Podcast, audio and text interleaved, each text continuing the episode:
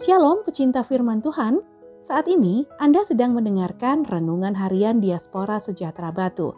Pembacaan Alkitab hari ini diambil dari kitab Imamat pasal 6 ayat 1 sampai 7. Tuhan berfirman kepada Musa, Apabila seseorang berbuat dosa dan berubah setia terhadap Tuhan, dan memungkiri terhadap sesamanya barang yang dipercayakan kepadanya, atau barang yang diserahkan kepadanya, atau barang yang dirampasnya, atau apabila ia telah melakukan pemerasan atas sesamanya, atau bila ia menemui barang hilang dan memungkirinya, dan ia bersumpah dusta dalam perkara apa pun yang diperbuat seseorang, sehingga ia berdosa.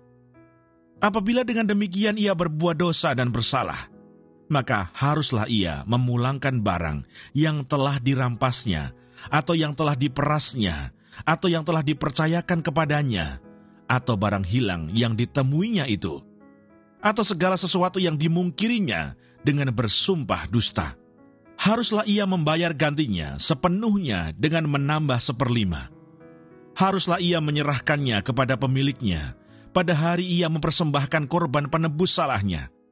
Sebagai korban penebus salahnya, haruslah ia mempersembahkan kepada Tuhan seekor domba jantan yang tidak bercela dari kambing domba yang sudah dinilai menjadi korban penebus salah dengan menyerahkannya kepada imam. Imam harus mengadakan pendamaian bagi orang itu di hadapan Tuhan, sehingga ia menerima pengampunan atas perkara apa pun yang diperbuatnya, sehingga ia bersalah. Ayat Mas hari ini dari kitab Imamat pasal 6 ayat 2. Apabila seseorang berbuat dosa dan berubah setia terhadap Tuhan dan memungkiri terhadap sesamanya barang yang dipercayakan kepadanya, atau barang yang diserahkan kepadanya, atau barang yang dirampasnya, atau apabila ia telah melakukan pemerasan atas sesamanya. Imamat 6 ayat 2 Renungan hari ini berjudul Mengerti dan Melakukan dengan Tepat.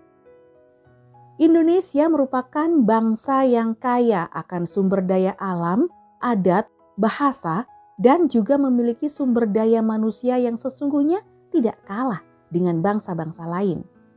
Salah satu peribahasa yang dimiliki oleh orang-orang Indonesia adalah tidak ada rotan, akar pun jadi. Peribahasa ini memiliki arti sesuatu yang dapat diganti oleh sesuatu yang lainnya. Peribahasa ini menunjukkan bahwa bagi bangsa Indonesia, keterbatasan yang ada dalam diri, ataupun ketiadaan fasilitas tidak akan menjadi penghalang untuk memperoleh sesuatu, asalkan orang tersebut memahami bagaimana cara untuk memperolehnya. Salah satu contohnya, banyak mekanik Indonesia dengan keterbatasannya justru berhasil menemukan inovasi baru yang dapat memudahkan pekerjaannya. Ada juga yang tidak pernah masuk di pendidikan resmi, tetapi bisa membuat bom. Tapi sayangnya, pengertian yang mereka miliki tidak digunakan dengan tepat, sehingga merugikan diri sendiri dan juga orang lain. Bangsa Israel merupakan bangsa yang dianugerahi Tuhan, sebab mereka dipimpin dan diberi aturan secara langsung oleh Tuhan.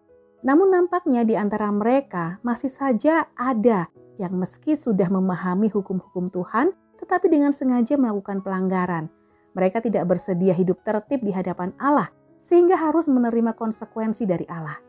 Walaupun demikian, Tuhan tetap memberi pengampunan apabila orang tersebut dengan segenap hati bersedia bertobat dan meminta ampun kepada Tuhan. Melalui bacaan kita saat ini diingatkan supaya menggunakan pengetahuan untuk memuliakan Tuhan dan bukan untuk melanggar hukum dan ketetapannya. Tuhan harus dimuliakan melalui pengetahuan dan apabila dia menganugerahkan kepandaian, jangan disalahgunakan, tapi gunakanlah dengan tepat. Janganlah kamu menjadi serupa dengan dunia ini, tetapi berubahlah oleh pembaharuan budimu, sehingga kamu dapat membedakan manakah kehendak Allah, apa yang baik, yang berkenan kepada Allah, dan yang sempurna. Roma 12 ayat 2, Tuhan Yesus memberkati.